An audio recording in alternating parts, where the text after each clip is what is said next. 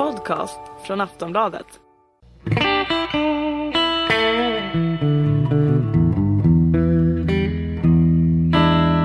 Hej välkomna ska ni vara då till eh, ytterligare ett avsnitt av Sportbladets Premier League-podd. Eh, mitt namn är Patrik Syk och mitt emot mig sitter en eh, ganska nyligen influgen Erik Niva tillbaks från utflykter i Brasilien, eller hur? Absolut, här sitter jag och äter en banan morgonen till ära. Så det känns ju tropiskt och bra. Ja, precis. Fick du inte nog av bananer när du var ute i regnskogen och for? Jag funderar faktiskt om jag åt en enda banan i Brasilien och jag befarar att svaret faktiskt är nej. Jag har ingen analys om varför det blev så, men det blev en jäkla massa melon istället. Men visst har du varit ute i regnskogen och, och tittat på de här eh, projekten inför eh, VM i sommar? Ja, det ena i viss mån ihopkopplat med det andra. Jag var bland annat i Manaus, vilket ju är den eh, mest avlägsna och mest besynnerliga spelorten av sommarens VM-städer. Det... Kanske någonsin i VM-historien? Ja, på många sätt så är det väl kanske så. Nu gör jag ett snabbt, en snabb genomgång i huvudet och funderar vart de egentligen spelade i Mexiko 86 och så vidare. Men, men det är nog rimligt att anta. Mm. Och eh, det ligger ju då för de som kanske inte har full koll på den brasilianska geografin mitt inne i det enorma Amazonasområdet där bland annat de här gigantiska floderna, Amazonfloden och Rio Negro flyter fram. Och eh, visst, där var vi och seglade. Det pratas om att eh, the, the, Black River Beach som ska ligga där, ska eh, enligt eh, ryktet i alla fall eh, hålla de sjukaste festerna och att eh, efterfesterna till matcherna där kommer vara någonting som eh, jorden inte har skådat. Enligt, eh, enligt eh, brasilianska källor. Jag måste erkänna att just de uppgifterna hade jag inte möjlighet att kontrollera och det gör mig ont så här i efterhand eftersom att jag uppriktigt sagt överhuvudtaget inte kände till dem. De hade man ju velat syna i eh, flodsömmarna. Ja, precis. Vi måste ju också ställa frågan så vi ställer till Kalle Karlsson, han hade varit i Sydostasien och, och, och rest. Hur följer man Premier League när man är i Brasilien? Eh, man följer en hyfsat illa och det är egentligen inte på grund av tillgång. Nu för tiden är det ju så att har man bara en internetuppkoppling så ser man ju vilka Premier League-matcher man vill. Och det har ju uppriktigt sagt inte med tidsskillnaden heller att göra, för det är ju så att Brasilien ligger efter i tid, så eh, en kvällsmatch där går mitt på dagen i Brasilien. Men det var där problemet uppstod för mig i och med att eh, ja, i stort sett alla matcher spelades mitt på dagarna och då var jag ute och jobbade på ett sätt som jag inte är van vid här hemifrån. Och det gjorde att jag såg väldigt lite. Eh, jag såg ju Spurs eh, i absolut möjligaste mån och jag försökte hänga med i övrigt. Men det kan absolut vara så att det finns någon kunskapslucka som jag inte har hunnit fylla igen sen de där tio dagarna i Brasilien. Så ifall jag råkar säga fel på vem som har spelat högerback för Norwich City eh, de senaste gångerna så då får ni ha lite förlåtelse och förståelse just denna gång. Den brasklappen tror jag vi kan acceptera. Skönt, då, eh, då släpper jag bananen och håller mig beredd. ja, så du Champions League i veckan då? För vi tänkte vi börjar där, det som faktiskt precis har hänt. Det gjorde jag absolut, för då var jag hemma och tillbaka i min eh, sorgliga svenskfunk. och den eh, innehåller bland annat Champions League-matcher. Precis, eh, ganska tunga hemmaförluster för både Manchester City och Arsenal. Det är en rejäl uppförsbacke de båda två har att bestiga om det ska bli något vidare Champions League-spel. Eh, hur påverkar det dem?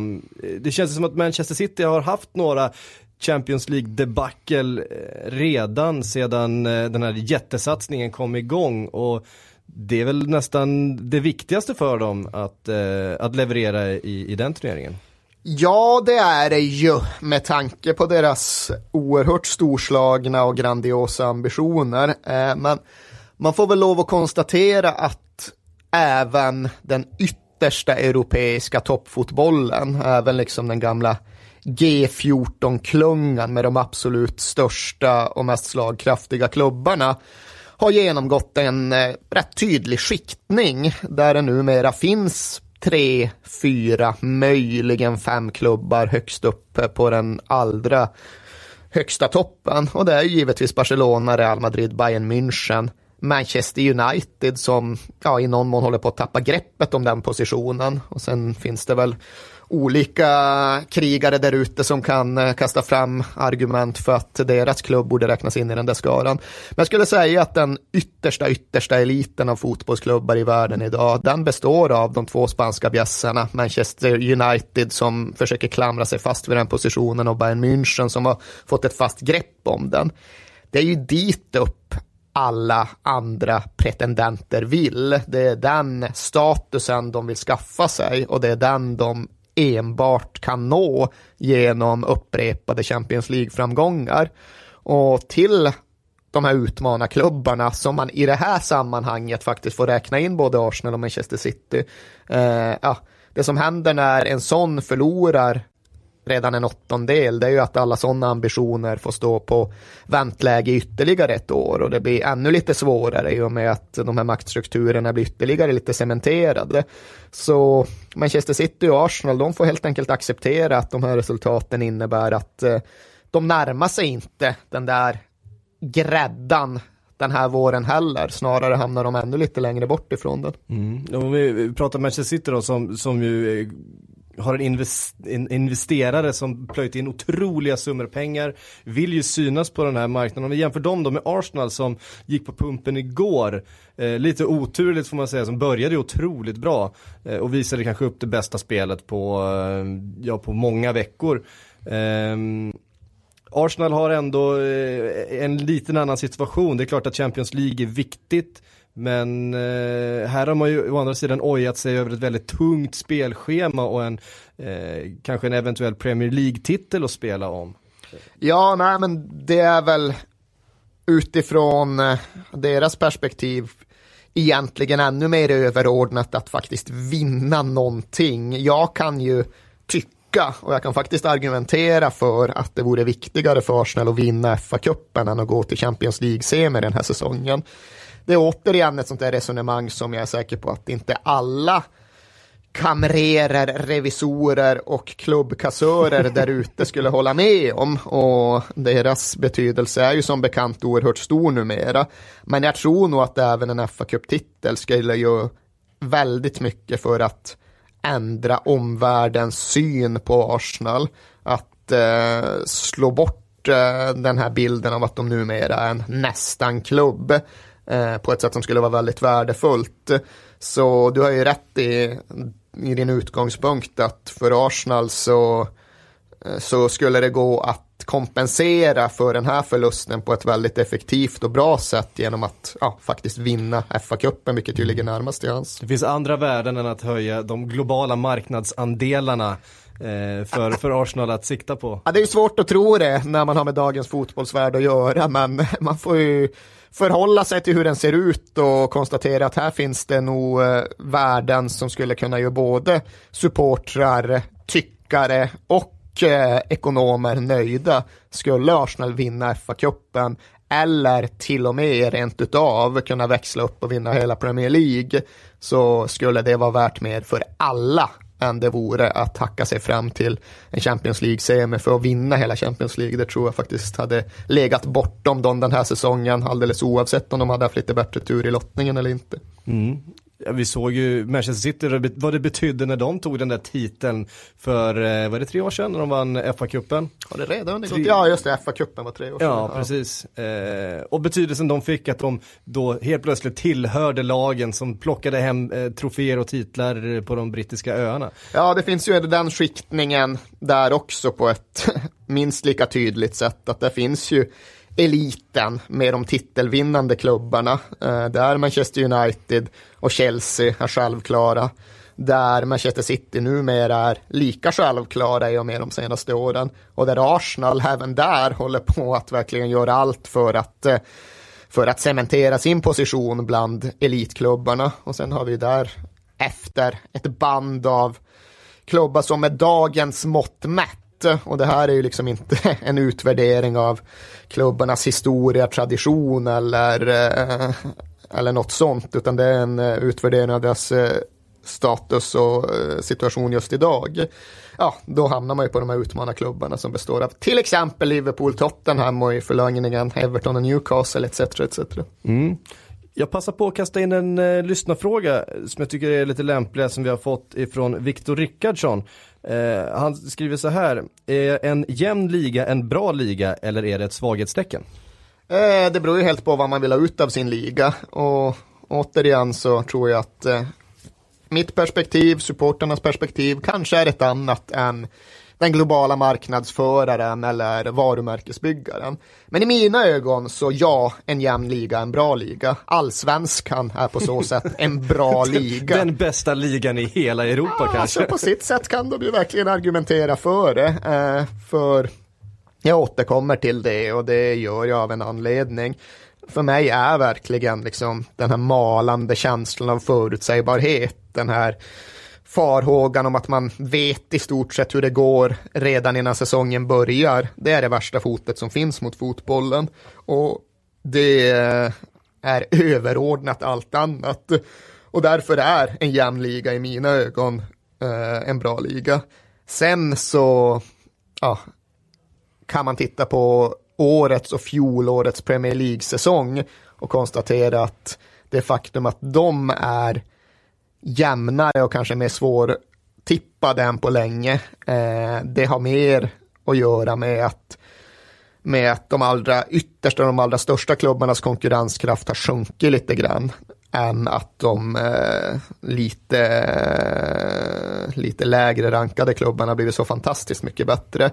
Så ifall man bara ser till liksom internationell konkurrenskraft och möjlighet att gå långt i Champions League så då är inte årets jämna Premier League den bästa Premier League-säsongen. Nej.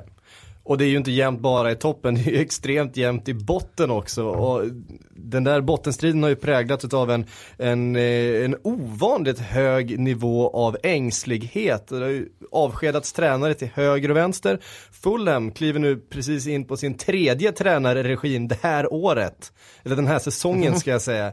Eh, från Martin Joll via René Mulensten det där uttalet ah, jag inte Det känns inte så holländskt i alla fall. Men, men Mulen, Meulensten. Ja, det känner jag mig mer bekväm med. Någonstans där, det är svårt med holländska namn. Eh, och nu då?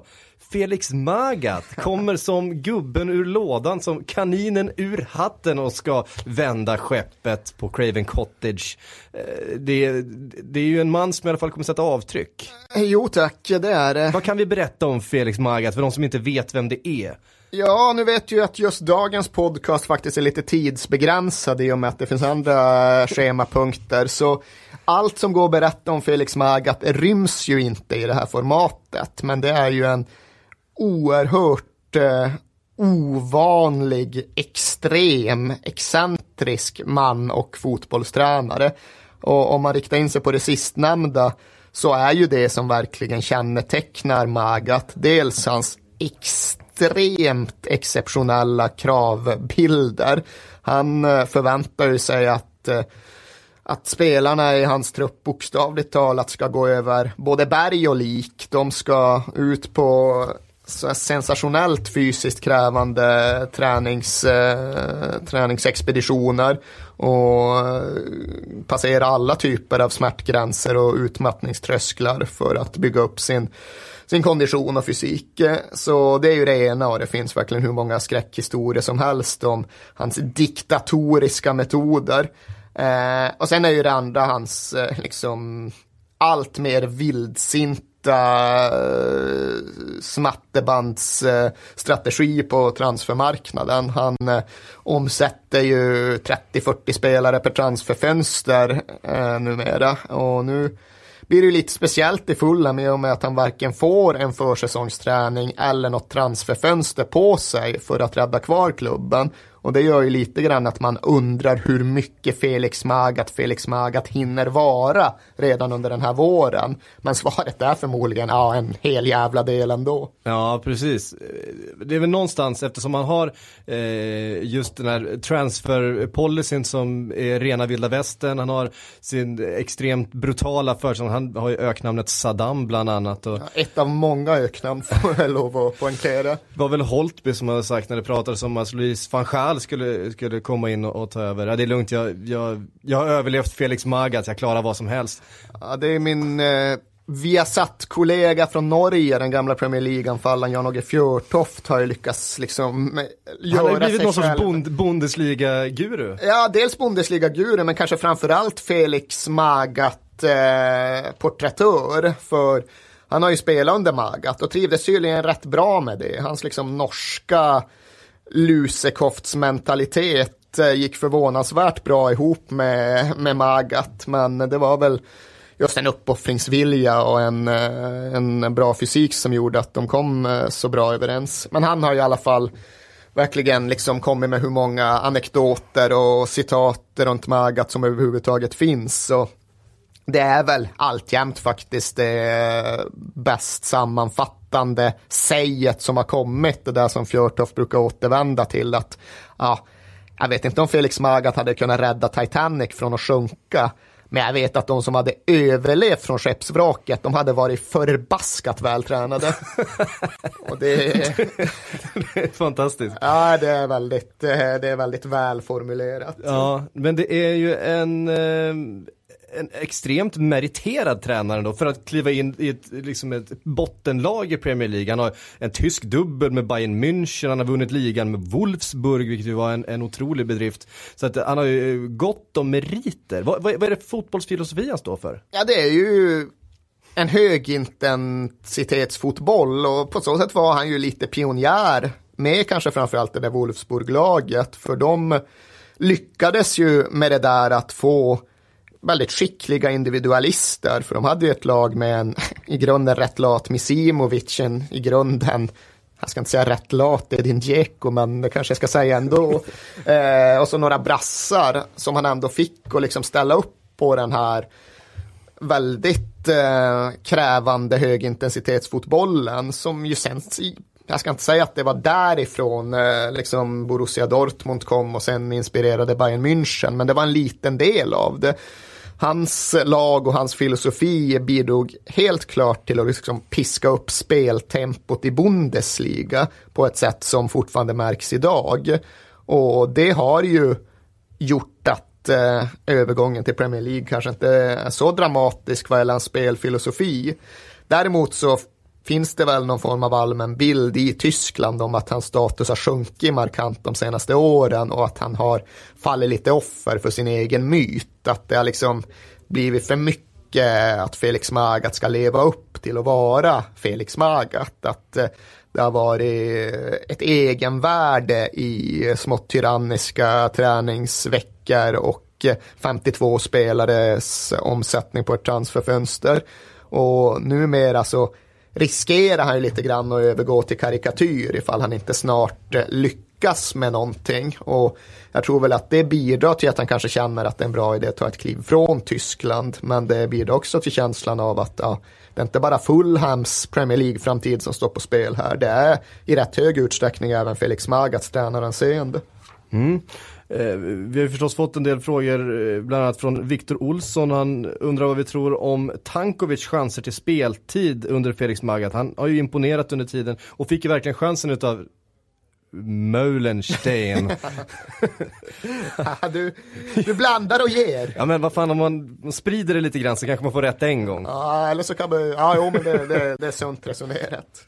Och du vet en klocka som står still den har i alla fall rätt två gånger per, Ja, exakt. Per har man- dygn snarare än en klocka som går fem minuter fel hela tiden. Har man A på alla frågor så får man några rätt. Ja, men så är det ju. Eh, vi vet väl inte. Det, vi vet för lite om Tankovic. Jag vet för Ja. lite om Tankovic för att liksom känna mig övertygad om hur han kommer reagera på Magat. Både liksom vad gäller hans eh, träningsmetodik och hans eh, personkontakt. Den där frågan kan vi nästan ställa oss hela, hela Fulhams lag. Man vet ju inte hur de kommer reagera på Magath. Nej, alltså det är ju, vissa är väl lättare att förutsäga än andra. Jag tror liksom att Scott Parker, han kommer ju rätta till benen och inställa sig för tjänstgöring och dra på sig stridshjälmen och säga sir, yes sir. Och Min favorit Steve Sidwell kommer väl också göra det skulle jag gissa. förmodligen. Och liksom, Holtby har haft Magat förut, han vet vad man kan vänta sig. Mitroglou kan man ju liksom spontant känna att oj jävlar vad hände här? Liksom en grek som ska in och jobba under Felix Magath. Men det är ju verkligen så att allt som gäller Mitroglou måste man ju sätta in i ljuset av att han är mer tysk än grek i sin fotbollsfostran. Han är ju från Ruhrområdet. Han har ju vuxit upp och fått hela sin fotbollsutbildning där. Så jag tror inte den kulturkrocken heller behöver bli så dramatisk som man först kanske föreställer sig. Men du har ju rätt i det du säger att det är jävligt svårt att spekulera i hur enskilda Fulham-spelare kommer reagera för att då inte tala om hela Fulhams trupp. Ja, precis. Vi måste skänka en tanke också Dimitar Berbatov som ju lämnade, som nu sitter någonstans, vi kan väl tänka oss så här, utanför Monaco eh, med ett paket Lucky Strike och en, och en, och en bättre drink och, och, och känner att oh, skönt att jag inte är kvar. Apropå det där med liksom eh, att komma av ett sjunkande skepp i tid. Liksom. Berbatov känner nu att den där yachten med destination Monaco, den kom jäklar i mig i rättan ögonblick. För det är ju inte en kille man ser liksom springa med medicinbollar och bli förvägrad en vattenflaska när han kommer tillbaks efter en mil i leran liksom. Nej, sannolikt, alltså det, det går inte att se framför sig hur det skulle få ett lyckligt slut. Det finns ju undantag i fotbollshistorien, just Misimovic och Magat är ett lite mindre sådant. Att David Ginola skulle nå sina absolut högsta höjder under George Graham var väl inte heller något man såg eh, funka på förhand. Men undantagen finns. Jag tror däremot inte att Berbatov och Magat hade blivit ett sånt lyckligt äktenskap. Nej. Eh, vi lämnar Felix Magat åt sitt öde där. Det ska bli otroligt spännande att följa. Sen ser man ju fram emot liksom de här intervjuerna och presskonferenserna och sådana saker när han ska förklara sig. Framförallt om det börjar gå knackigt och, och, och se hur saker, hur saker och ting kommer röra på sig runt omkring Ja, det, det gör man. Och så känner man sig lite skamsen och skyldig samtidigt eftersom att man tillåter liksom Fulhams eh, öden och äventyr att bli underordnade. Man tycker bara det är lite lustigt att det eh, händer något, eh, något som kan bli kul att följa på avstånd. Men jag kommer ihåg när man satt i höstas och resonerade kring hur Fulhams nya ägare skulle förhålla sig till Martin Joll och så vidare. Och då sa jag liksom det att men vi vet inte ännu eftersom att vi just inte har någon empiri att gå på. Han har aldrig ägt en fotbollsklubb tidigare så vi vet liksom inte vilken typ av ägare han kommer bli. Han kanske kommer vara oerhört långsiktig och tålmodig. Och ja, ett knappt halvår senare kan vi väl konstatera att nej, han tycks inte vara den typen av ägare han heller. Han verkar också ligga närmare Vincent Tan-metodiken än, äh, än ja. äh, någonting annat. Och det tror jag ju inte är bra för Fulham, men ja, det, visst, det kommer ändå bli kul att se Marga. Ja, det kommer ju det, det kommer, det går inte att, uh, att bortse ifrån. Jag, jag längtar redan till, till första matchen, man får se honom på, på sidlinjen där med sin, hela den uppenbarelsen. Uh, vi ska lämna Felix Magath och, och, och snacka lite grann om en av hans kollegor, eh, nämligen Tony Pulis som också befinner sig där nere i, i bottenträsket men eh, som ju verkligen har fått fart på Crystal Palace. Jag tänkte att vi skulle titta lite närmare på den här 56-årige walesaren eh, och när jag satt och tänkte på det här insåg jag ju det uppenbara. Vi har ju kallat Steven Gerrard the Scouse Pirlo bland annat. Eh, Tony Pulis är ju the Welsh Pelle Olsson. Ja, det är han fan i mig. Det köper det är, jag. Det, det, är ju den spelare, det är den tränare man vill ha. Man har små resurser, man vill ha en ganska enkel spelidé som funkar och man vill ta sina poäng.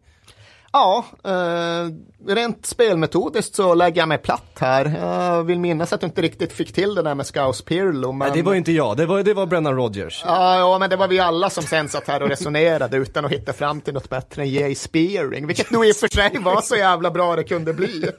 Men ja, det var vad det var. Eh, Pelle Olsson och Tony Pulis är vad det är. Och de har inte riktigt samma samma retorik och de har inte riktigt samma... De har inte riktigt samma utstrålning. Nej, precis. Tony Pulis må ha glasögon och keps nu för tiden, men han är ju i grunden en jävla hard man. Eh, både på den tiden han själv var spelare och med all säkerhet på den tiden han funderade på om han skulle ner i gruvorna i Wales eller inte som eh, sin far och sin farfar före honom.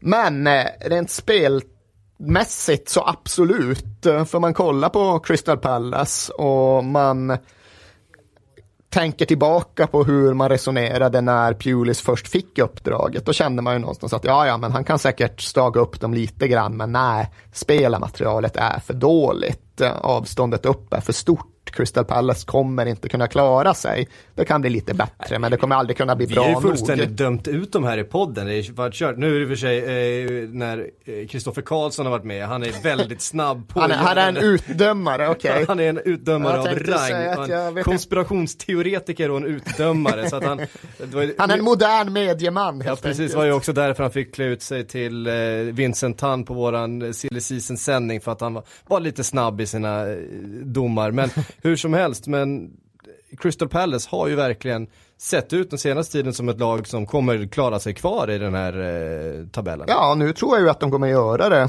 på grund av det jag sett de senaste månaderna under Pulis. Och även om jag kanske inte har någon minne av att jag dömde ut dem med någon kategorisk kraft så, så köpte jag ju verkligen allt det där om att nej, men spelarmaterialet är för dåligt för att de ska klara sig kvar.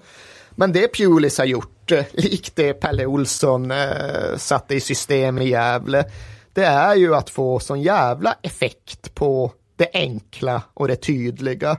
Och om det nu var Jan-Åge Fjörtoft som eh, kom med den mest eh, sammanfattande med det mest sammanfattande citatet om Felix Magath så skulle jag nästan säga att det är Danny Higginbotham som har lyckats med det vad det gäller Tony Pulis. För han är, han är numera aktiv som landslagsman för Gibraltar. Jag vet inte fan riktigt vart han spelar sin klubblagsfotboll längre.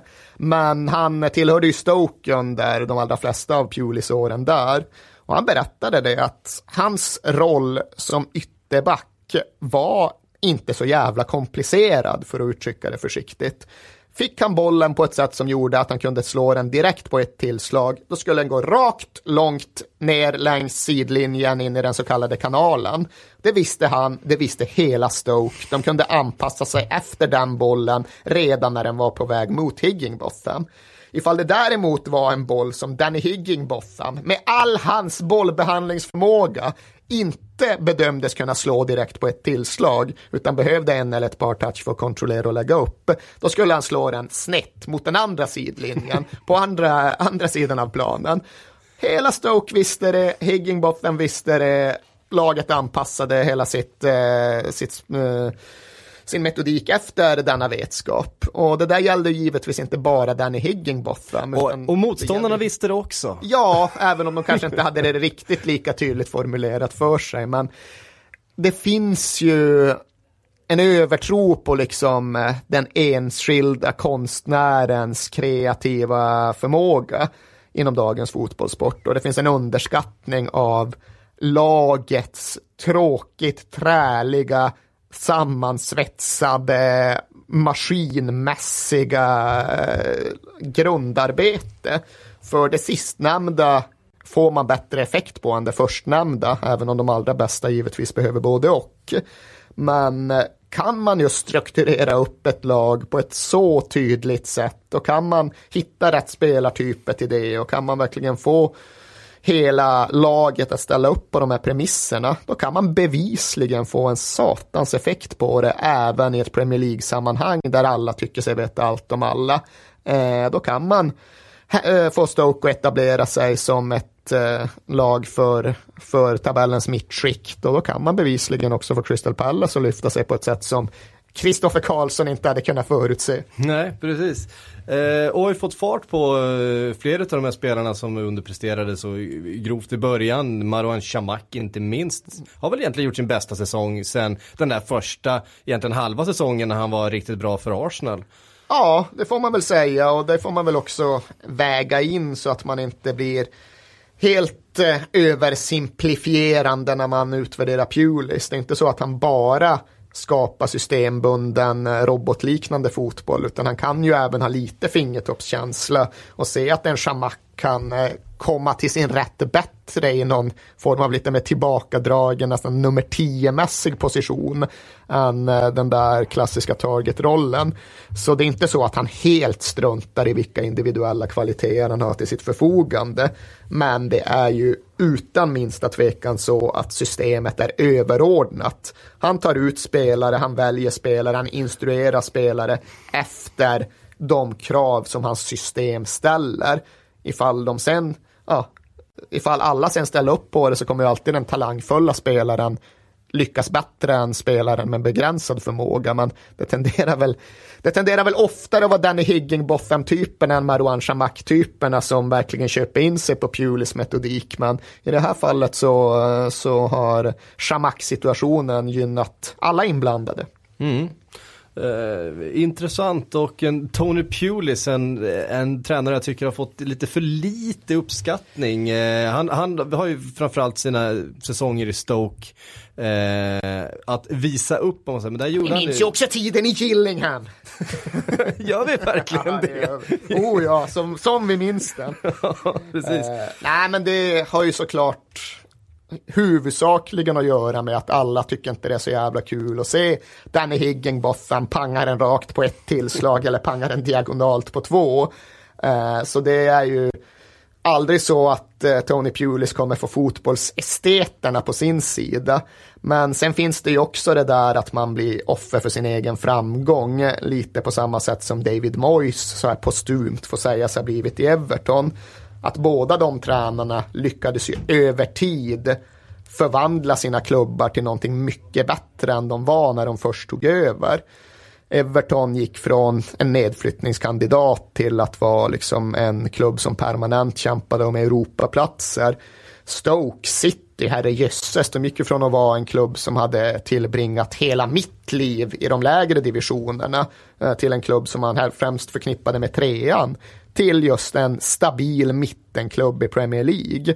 Och det var ju Tony Pulis förtjänst och det var inte bara det här liksom enkla, tydliga spelsättet, utan det var ju även en, eh, en vilja och en förmåga att ta ansvar för hela klubbens utveckling snarare än bara A-lagets prestation på lördagen som man verkligen ska väga in när man utvärderar både Pulis och Moyes. Och har ju en otrolig stämning på sina hemmamatcher och en, en hängiven publik. Pratar vi Crystal Palace nu eller pratar vi Tony Pulis lag i allmänhet? Nu, nu pratar jag faktiskt kvar i Stoke. Ja, kvar i Stoke till och med. Ja, det har de, även om ah, jag ska inte säga att det har gått lite myt i det, men som alla Premier League-arenor, möjligen Sellers Park undantaget, Pulis-effekten, eh, så, så varierar det. Jag upplevde det som att första säsongen, framförallt som Stoke var tillbaka uppe i Premier League, då var det rättvist att prata om att det alltid var ett osedvanligt tryck på Britannia. Nu är det lika mycket vardag där när de har West Bromwich hemma som det är på alla andra Premier League-arenor. Sen när det lyfter, när de verkligen dundrar på med Delilah och leder med 3-2 hemma mot Man City efter ett sent Asaid i mål, då är det för jävla bra. Men eh, liksom lunken är tyvärr ganska tyst där också. Mm. Eh, och lunk var det lite grann i helgen när det var FA-cup och det fanns en del läktare som eh, gapade tomma är väl eh, fel att kalla det. Men det fanns i alla fall, det kom rapporter om att eh, biljettförsäljningen gått lite trögt och så vidare. Och, och då kom ju förstås diskussionen om FA-cupen, om FA-cupens anseende, om huruvida den har eh, minskat även, eh, även i England. Ja, det där har jag resonerat kring i väldigt eh, utdragen oändlighet. Och eh, för att undvika det ytterligare en gång så får man väl bara göra det väldigt kort och väldigt enkelt och konstatera att ja, FA-cupens status har minskat. Ja, det kan vara eh, otäckt tomma läktare på flera av matcherna i de tidiga ronderna. Men nej, det är alltjämt, eller det är fortfarande inte så att kuppen har liksom tappat sin magi. Eh, när eh, drar ihop sig på antingen den enstaka lördagen eller i de lite senare omgångarna så är det ett enormt fokus och ett enormt intresse. Och det är ju fortfarande så att turneringen har ju en annan eh, procedur vad gäller biljettfördelningen än ligamatcherna har och det gör ju att till exempel borta klackarna kan ofta vara mycket större på en fa Cup-match än de är eh, på ligamatcherna. Och allt det här gjorde till exempel att Eh, publiksnittet i FA-cupens tredje omgång den här våren var högre än det har varit på, ja, om det var 35 år eller något i den stilen. Så ja, för att summera kort och koncist, så ryktet om FA-cupens död är ju överdrivet även om det inte är helt obefogat. Mm. En, en tanke som direkt kommer upp i det här, ska man då om man verkligen vill att klubbarna hela tiden konsekvent ska ställa upp sina bästa lag och så vidare. Ska man dingla en Champions League-plats till vinnaren eh, framför näsan på storlagen och eh, alltså, försöka jag... få dem att, att, att, att eh, verkligen eh, prestera och, och, och komma med sitt jag hade ju gillat det, inte nödvändigtvis för att det hade fått storlag. För det öppnar ju också för de klubbarna som har svårt att orka med en hel säsong Exakt. på övre halvan. Det är ju det, det är ju mer det, men det är ju utifrån eh, min grundhållning som går ut på att allt som kan ruska om fotbollens allt mer cementerade maktstrukturer är bra. Det är verkligen min grundhållning och därför skulle jag tycka att det var kul eftersom att det skulle ge dem lite mindre klubbarna större och bättre chans. Men det skulle inte vara rättvist för att använda den väldigt svårdefinierade fotbollstermen. När Tottenham skulle komma fyra just det året som Crystal Palace vann FA-cupen så skulle jag inte tycka det var skitkul och jag skulle ju inte just kunna argumentera för att Spurs prestation i 38 matcher på något vis skulle vara undervärderad eller underordnad det faktum att Crystal Palace fick Chesterfield hemma, Colchester hemma, Wigan borta och ett eh, skadedrabbat Aston Villa i semin liksom. Så alltså det går ju inte ihop utifrån någon Nej, form Och sen av... kanske förlora finalen mot en Chelsea som ändå tar en, ja. en Champions League-plats genom att vinna eller komma två eller sådär i ligan och då få den där Champions League-platsen. Nej, det... Så, ja, det vore inte rättvist men... Eh, men allt är inte men, rättvist här Nej, jag höll på att säga skit i fotbollens rättvisa för den gynnar ändå alltid de största. Därför kan eh, vi i någon mån försöka försöka ändra på hur spelplanen ser ut och ge dem lite mindre nonchans. Sen tyckte jag man såg eh, just hos spelarna också vad den betyder. Eh, inte minst för de, för de engelska spelarna i matchen mellan eh, Arsenal och Liverpool i helgen när Arsenal jublade som om de nästan hade vunnit kuppen efteråt. Och Daniel Sturridge som var så besviken efter den här förlusten att han, han, han kunde knappt kliva av planen. Han, han vandrade runt, han satt i mittcirkeln och fick bli om eh, till och med av Arsenal-spelare som var framme och liksom eh, klappade honom på axeln. Han var så, eh, visst han hade bränt ett par chanser och så vidare men, men det är sällan man har sett eh, en spelare reagera så efter en förlust i, i, i, i FA-cupen. Ja, men jag tror väl just också att hela kuppmomentet, det som är kuppens charm och tjusning, det är ju att det är där och då det gäller no second chance, it's just begun. Mm. Nej men det finns ju ingen möjlighet att reparera det under de återstående 35 ligamatcherna. Och visst, det kan man säga är lite orättvist då, men det är ju precis samma idrottsliga logik som gör att vi intresserar oss jävla mycket mer för eh, OS-tävlingen i storslalom än vi gör för storslalomcupen som pågår i Sölden och Vacken stycken under 25 veckor av året. Den struntar man ju totalt i vem som vinner, men just det faktum att det är där och då en enda match, en enda tävling, en enda chans. Det är ju det som gör cupfotbollen både orättvis och magisk. Mm. Vi, eh, vi lämnar FA-cupen där. Eh, vi kanske sladdar in på den lite, lite grann om en liten stund där. Vi ska nämligen ta lite eh, lyssnarfrågor. Och vi börjar med Viktor Lundqvist som leder in oss på en av veckans stora snackisar, snackisar nämligen Giroud-grejen som han pratar om det.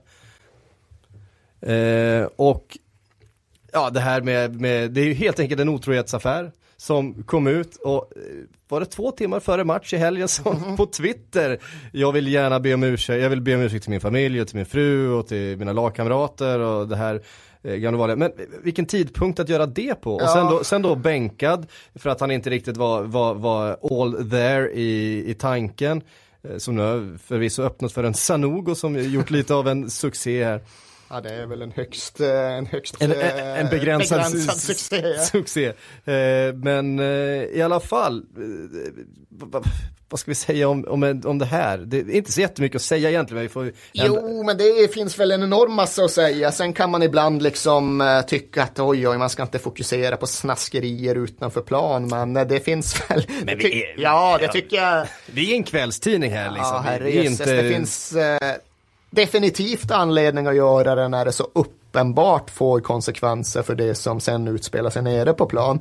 Sen Giroux fall blev ju ännu lite mer egendomligt när han sen några dagar senare försökte komma med någon form av reservation kring att det inte alls var otrohet han bad om ursäkt för, det var något helt annat och någon sån snubbe var han minsann inte. Men det, det, finns, var... det finns ju bilder på honom. Ja, det finns bilder på honom i kalsonger på ett hotellrum. Sen har väl ja, det går väl att stå ensam i kalsonger på ett hotellrum också i teorin. Men ja, den där diskussionen, reda ut liksom eh, det, går det, det går kriminalteknologiska kring det där, det ska jag väl hålla mig borta från.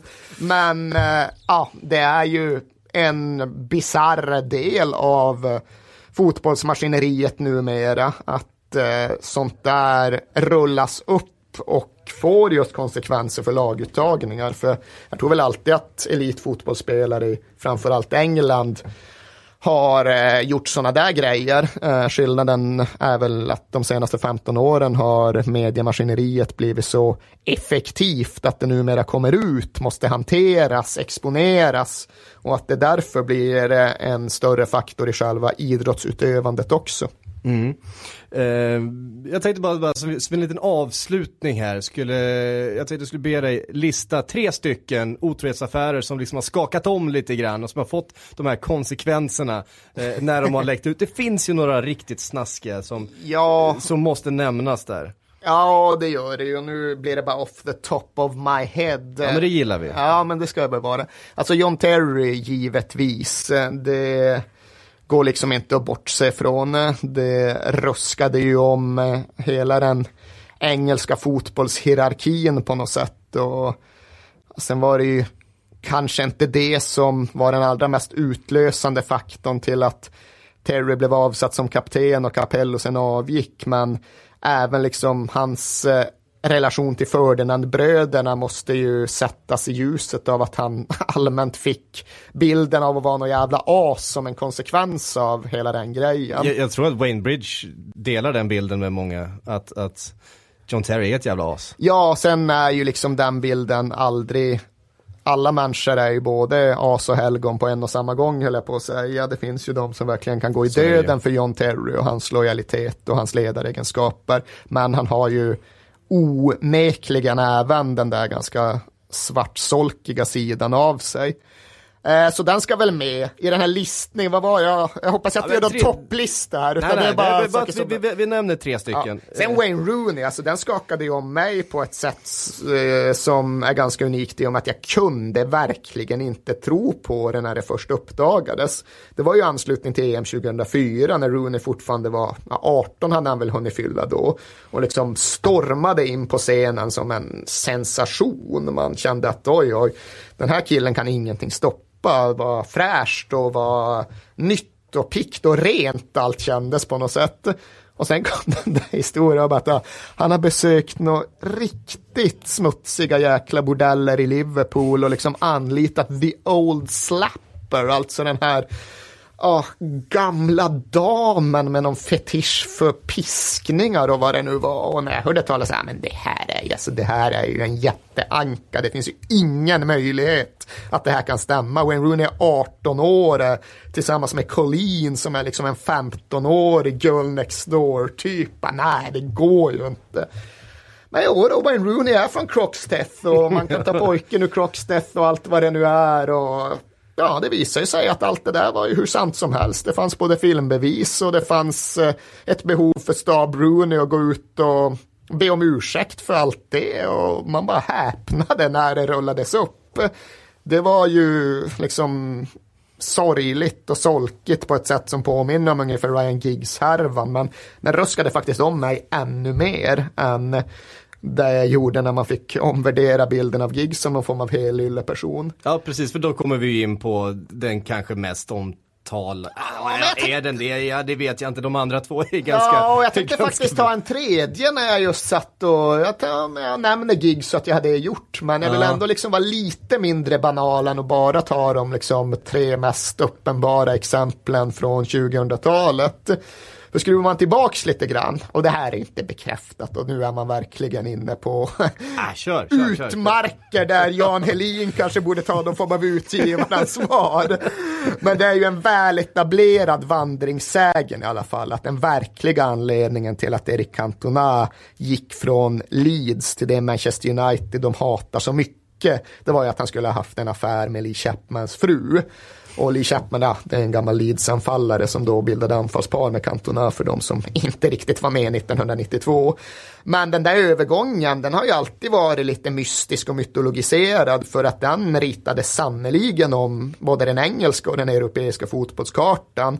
Man United hade väl vaknat ändå, men Cantona var ju den definitiva katalysatorn som verkligen förlöste klubben, som fick dem att börja vinna titlar igen, som gjorde Ferguson till den legendar han har blivit och liksom fick fart på hela jättens fötter igen. Och samtidigt så vann ju Leeds ligan 92, men var är de idag liksom? Och det är ju kanske mer en fråga om Peter Ridsdales ekonomiska ansvarstagande än det faktum att Cantona försvann, men det var ju verkligen en sån där övergång som inte borde kunna hända. Det var Leeds United som då fortfarande var en toppklubb i Premier League som sålde sin överlägset mest begåvade spelare till sin överlägset mest hatade rival för typ inga pengar alls. Och man undrar vad fan handlade det där om egentligen? Och ja, många upprepar påståendet om att det handlade om en otrohetsaffär i grund och botten. Ja, det får runda av den här veckans eh, podd. Ni når oss som vanligt på, på Twitter, det vet ni. Vi återkommer nästa torsdag igen. Tack Erik för att du eh, var här idag och tack för att ni har lyssnat. Vi hörs, hej!